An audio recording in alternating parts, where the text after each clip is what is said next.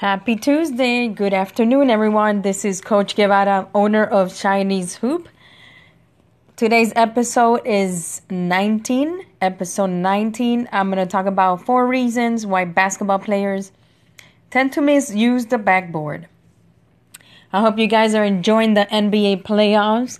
The Cavs lost on Sunday against the Celtics, and the Warriors won yesterday against the Rockets.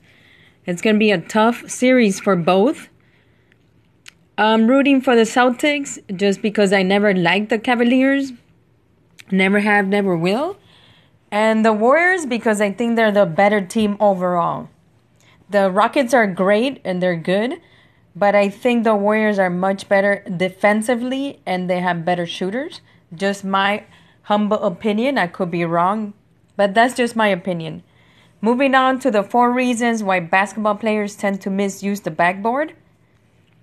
Um, I am confident there are more than four reasons. However, these are my top four.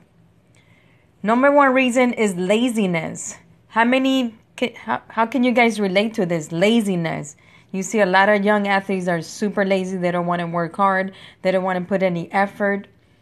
So young young athletes tend to be lazy, to be lazy at this age. And it's rare that you get to encounter with a young athlete whose work ethic is phenomenal and eager to learn, work, and had fun at the same time. We're in an era that is all about the gadgets, social media, and who is the latest fashion trend. Which we all know having the latest fashion trend is nothing new. However, technology has taken over the world. Young kids do not want to work hard at excelling in sports. Sometimes they are fo- even forced to join sports, which is a big no no in my book. Back to why kids tend to misuse the backboard and why we cannot blame it on the coaches. I've seen it with my own eyes how coaches sound like a broken record, advising kids to use the backboard and why it is so important. It's a constant battle telling kids why and how to use the backboard.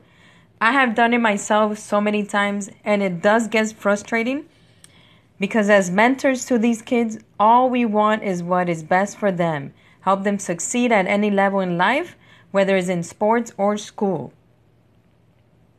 Second reason I believe basketball players tend to misuse the backboard is not liking the sport.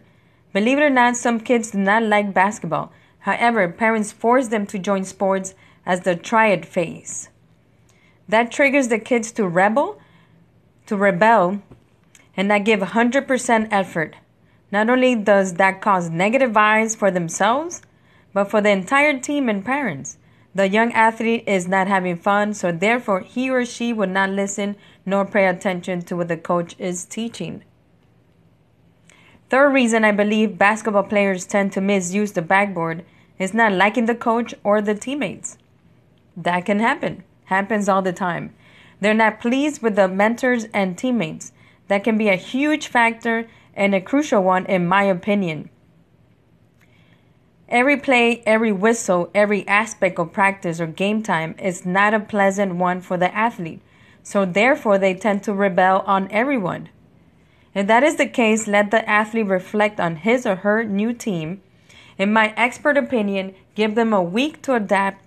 If the athlete is still not content with the coach or his or her teammate, look for another league or a park for them to join.